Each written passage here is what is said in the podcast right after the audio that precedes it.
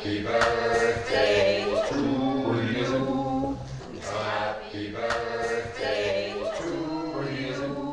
Vorige zomer werd mijn vriend 40. De hele familie was bij ons thuis voor een groot feest.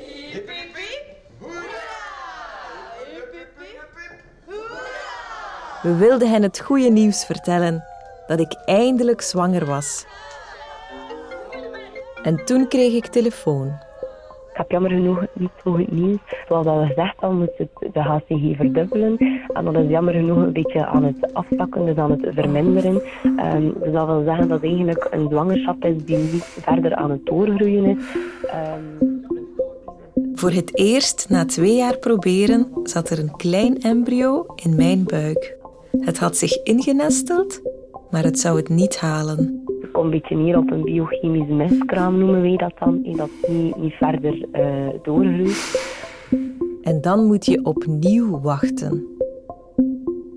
Wachten tot je het vruchtje verliest.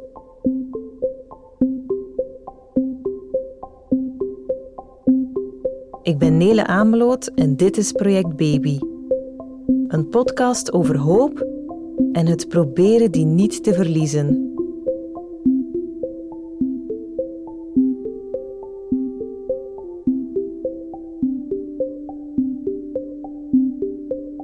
Waarom noem je het een biochemische zwangerschap? Biochemische zwangerschap. Want het klinkt zo alsof het geen echte zwangerschap is. Dat wil zeggen, een biochemische zwangerschap is een zwangerschap dat je detecteert in een urinetest of een bloedtest, maar die niet verder ontwikkelt om tijdens een echo al te gaan zien. Dus dat is een hele vroege zwangerschap die heel vroeg ook... Uh... Ja.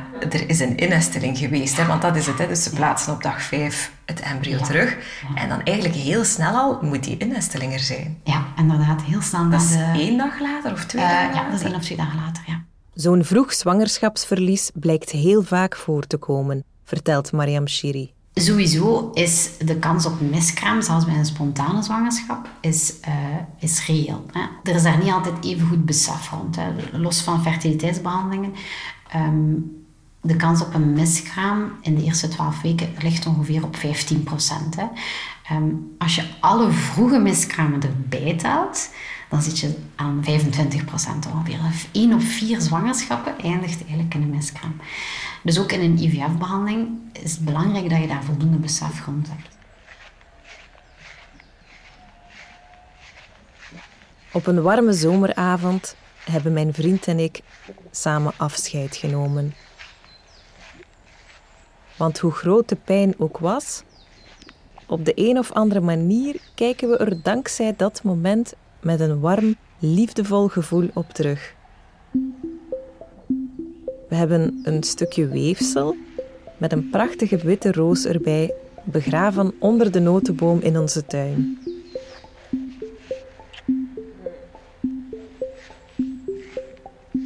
Het zal voor altijd een bijzondere plek zijn.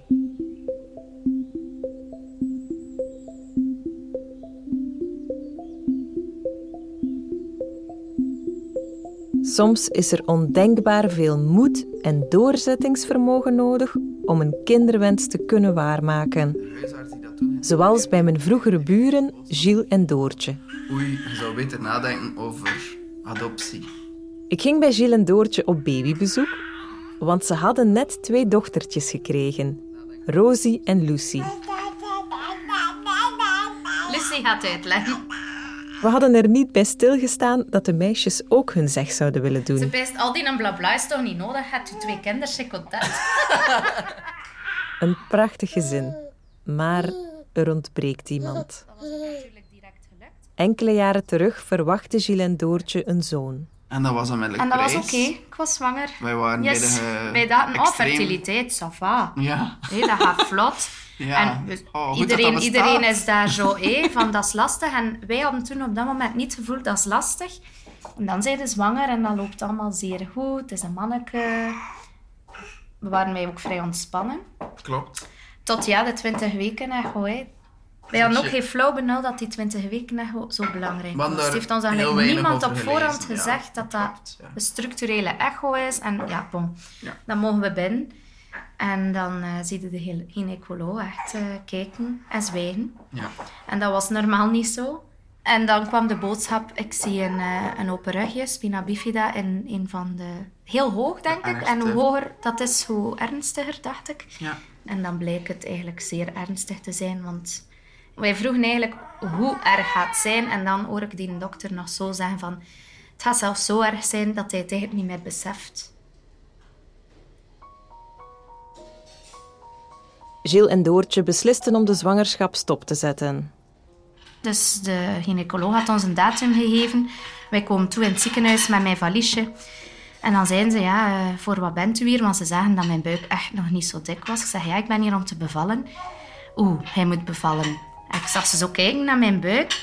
En dan zei ze, ja, maar wacht. Ik ga een keer gaan kijken naar de planning. Ik val zelden flauw, maar toen heb ik mij moeten zetten. Hebben ze mij een cola moeten geven. En hebben ze gezegd, hij staat niet op de planning. Hij kunt niet bevallen vandaag.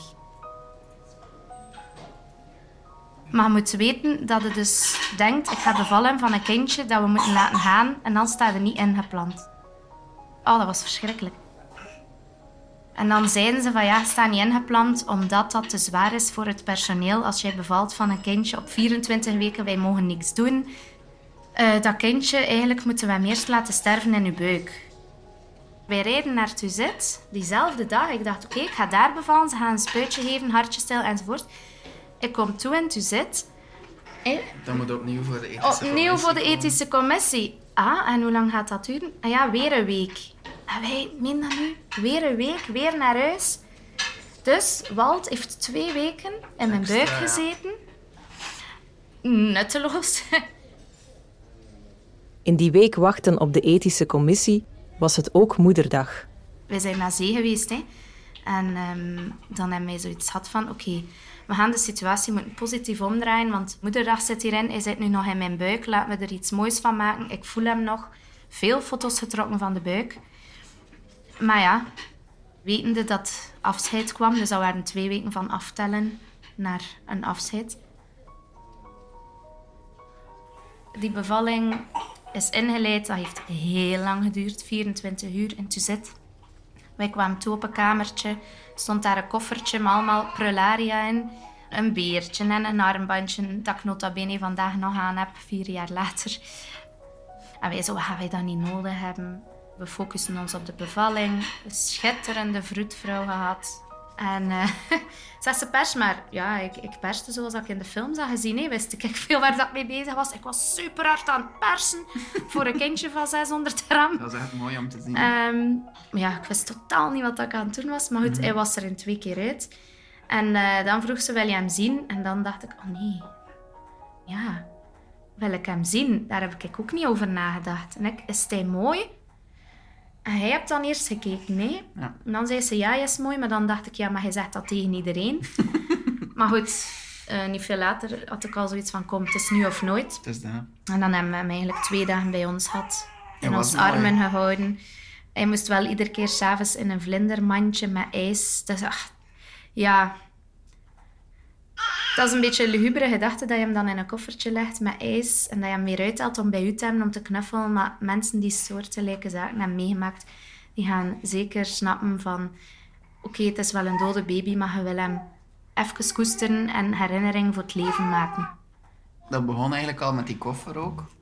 Die koffer zit vol herinnering, de Ja. enige herinnering aan Walt. Het zat daar dus een armbandje in dat wij allebei nog dragen en dat aan Walt zijn armpje hing, het moment van de crematie. Dus eh, die koffer is goud waard en is helemaal geen prularia. Ehm, petje af voor al het eh, zorgende personeel daar, hè, het verzorgende personeel, want die moeten daar ook mee om. Hè. Hij als koppel, dat is één ding, maar het personeel moet ook een dode baby ter wereld brengen en omgaan met de emoties van de ouders. En dan hadden we gezegd, eh, fertiliteit pff, gaan we dat nog een keer doen. Tot op een bepaald moment dat je zoiets hebt van, er zijn nu nog twee embryo's. Tot op die dag hadden we ook nog het fertiliteitstraject niet als heel zwaar ervaren. Dus dan was het evident om die embryo's wel terug te plaatsen. Maar ja, dat waren twee dikke vette onthogelingen. Hè. Ja. En ehm, En volgende traject ook. Eigenlijk hebben we pas later... We, hebben ook nog, we zijn ook nog bij het UZ Gent geweest. En dan later UZ Brussel. aan Jan Palfijn Ah ja, van Palfijn ik al ziekenhuis ja. geshopt. We wij zijn nu wel de gelukkigen. Maar wat krijg je dan als reactie? Ah, tweeling. Ah, proficiat. Allee, nu zijn je compleet, hè? Er ontbreekt één factor voor de rest van ons leven. En ja, we hebben nu twee kinderen en we mogen blij zijn. Maar dat wil niet zeggen dat die vier jaar geen zware littekens hebben achtergelaten. Want dat blijft. Er is echt ja, een stuk uit ons hart weg. Ja. En het is vervuld met ongelooflijk veel liefde voor de meisjes, maar dat ontbrekende stukje komt nooit terug. Dat noemt een miskraam. Dat woord zouden ze van mij mogen schrappen uit het woordenboek. Of dat je nu op twee maand een miskraam hebt of op zes maand, want ook wij zijn officieel hebben een miskraam gehad. Ik vind dat een woord met heel negatieve connotatie.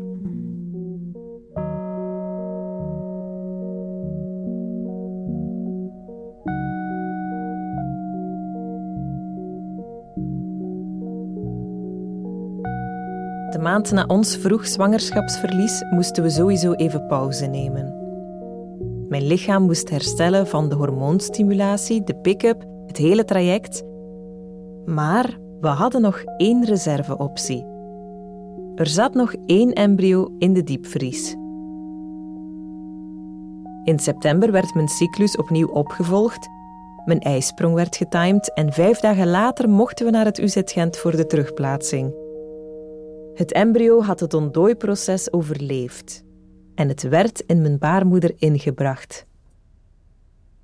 Maar zonder succes. Een innesteling is er niet gekomen. We moesten weer helemaal opnieuw beginnen. Een nieuw ICSI-traject, nieuwe hormoonbehandelingen, een spermastaal, een nieuwe pick-up, de afvalrace, een mogelijke nieuwe teleurstelling. En dan moet je als koppel op elkaar kunnen steunen. Dan merkte ik ook heel hard die wisselwerking, dat je elkaar op je zwakke momenten er terug uittrekt. Dat vond ik heel mooi. Thijs van Nesten merkte ook dat zo'n fertiliteitstraject druk zet op je relatie. Ik heb altijd gezegd, heel dat proces dat is een maker of een breker voor een relatie. Maar als het een maker is, dan is dat wel super, super stevig ook. Ik heb eigenlijk geprobeerd continu sterk te zijn. Maar ik denk dat dat ook een van de redenen is dat ik, als het allemaal achter de rug was, een beetje kapot was. Ehm, ik denk dat ik dat anders had moeten doen. Dat ik dat ook een beetje had moeten toelaten. Is het ook niet zo dat als je je partner even ziet diep zitten, dat je dan automatisch probeert sterk te zijn voor die andere? Ja, ja. En als die dan even weer sterker is, dat je dan misschien het voor jezelf meer toelaat? Ik heb continu mijn eigen voorgespiegeld. Ik kan deze. Ik kan er voor u zijn. En mijn eigen, dat kan ik wel af. Want dat wordt zo dikwijls dan, als ik hierover praat, als titeltje gebruikt. Hè, van, eh, ik zei van, zoekt u een jonge viriele vent. Dat is niet dat dat elke week gebeurde. Hè. Dat is gebeurd. En, en mijn vrouw, haar reactie was toen, doe niet belachelijk. En ze had groot gelijk. Ik heb het gevoel dat wij met dat proces in een soort van kokon zijn gekropen met twee. En je doet wel van alle dingen met je vrienden en familie en sociale activiteiten, maar je zit continu in die kokon. En ik heb ook het gevoel dat wij daar nooit meer echt uitgestapt zijn. Ik zit er ook gewoon heel graag nu. Ik zit ik op mijn veranda buiten, een zatje koffie, en dan roep ik mijn vrouw... Je weet toch hoe goed dat wij het hebben, hè? En dan zegt hij, dat het hem weer. Maar dat is gewoon ook wie dat ik ben. Gilles en Doortje zochten professionele hulp op. Wij zijn op een bepaald moment ook naar een ehm, relatietherapeut gegaan, omdat we zoiets hadden van, laten we preventief handelen. Ehm, we willen niet dat dit de bovenhand neemt in onze relatie, maar dat we elkaar kunnen vinden op vlak van verwerking, op vlak van door zo'n proces te gaan. Dat heeft ons ook wel deugd gedaan. Hè? Ja, het feit dat je er niet in slaagt om als koppel samen een kind te maken, dat is wel behoorlijk pittig om te beseffen. Op een duur zou je beginnen twijfelen, bij wijze van spreken, Het is aan, meant to be, aan, of- aan de relatie ja. of zo. Ik weet nog dat ik vaak vroeg aan jou bij een nieuwe terugplaatsing van ja, maar ja, wil je het nog met mij? Je wordt gewoon heel onzeker, hè? Ja. Ik ben zelf nu pas mijn klop aan het krijgen. Na ooit dat nieuws gekregen te hebben van ah, het gaat misschien niet lukken. Het is pas na zoveel jaar dat je plots begint te beseffen hoe diep dat je gegaan bent. En ja, ik ben nu al zes maanden thuis. Ja. En ja, ik heb maar nu geleidelijk aan weer wat meer energie om ervoor te zorgen dat ik ook gewoon mezelf weer vind. Een fertiliteitstraject overheerst je leven. Ik heb jarenlang geen tickets gekocht voor grote, dure concerten zoals Coldplay, omdat ik ervan overtuigd was tegen dan hoogzwanger te zijn. En als dat concert dan plaatsvindt, besef je, ik ben nog niet eens zwanger. Er niet aan denken of alles even loslaten lukt niet. Dat hoor je in de vijfde aflevering van Project Baby.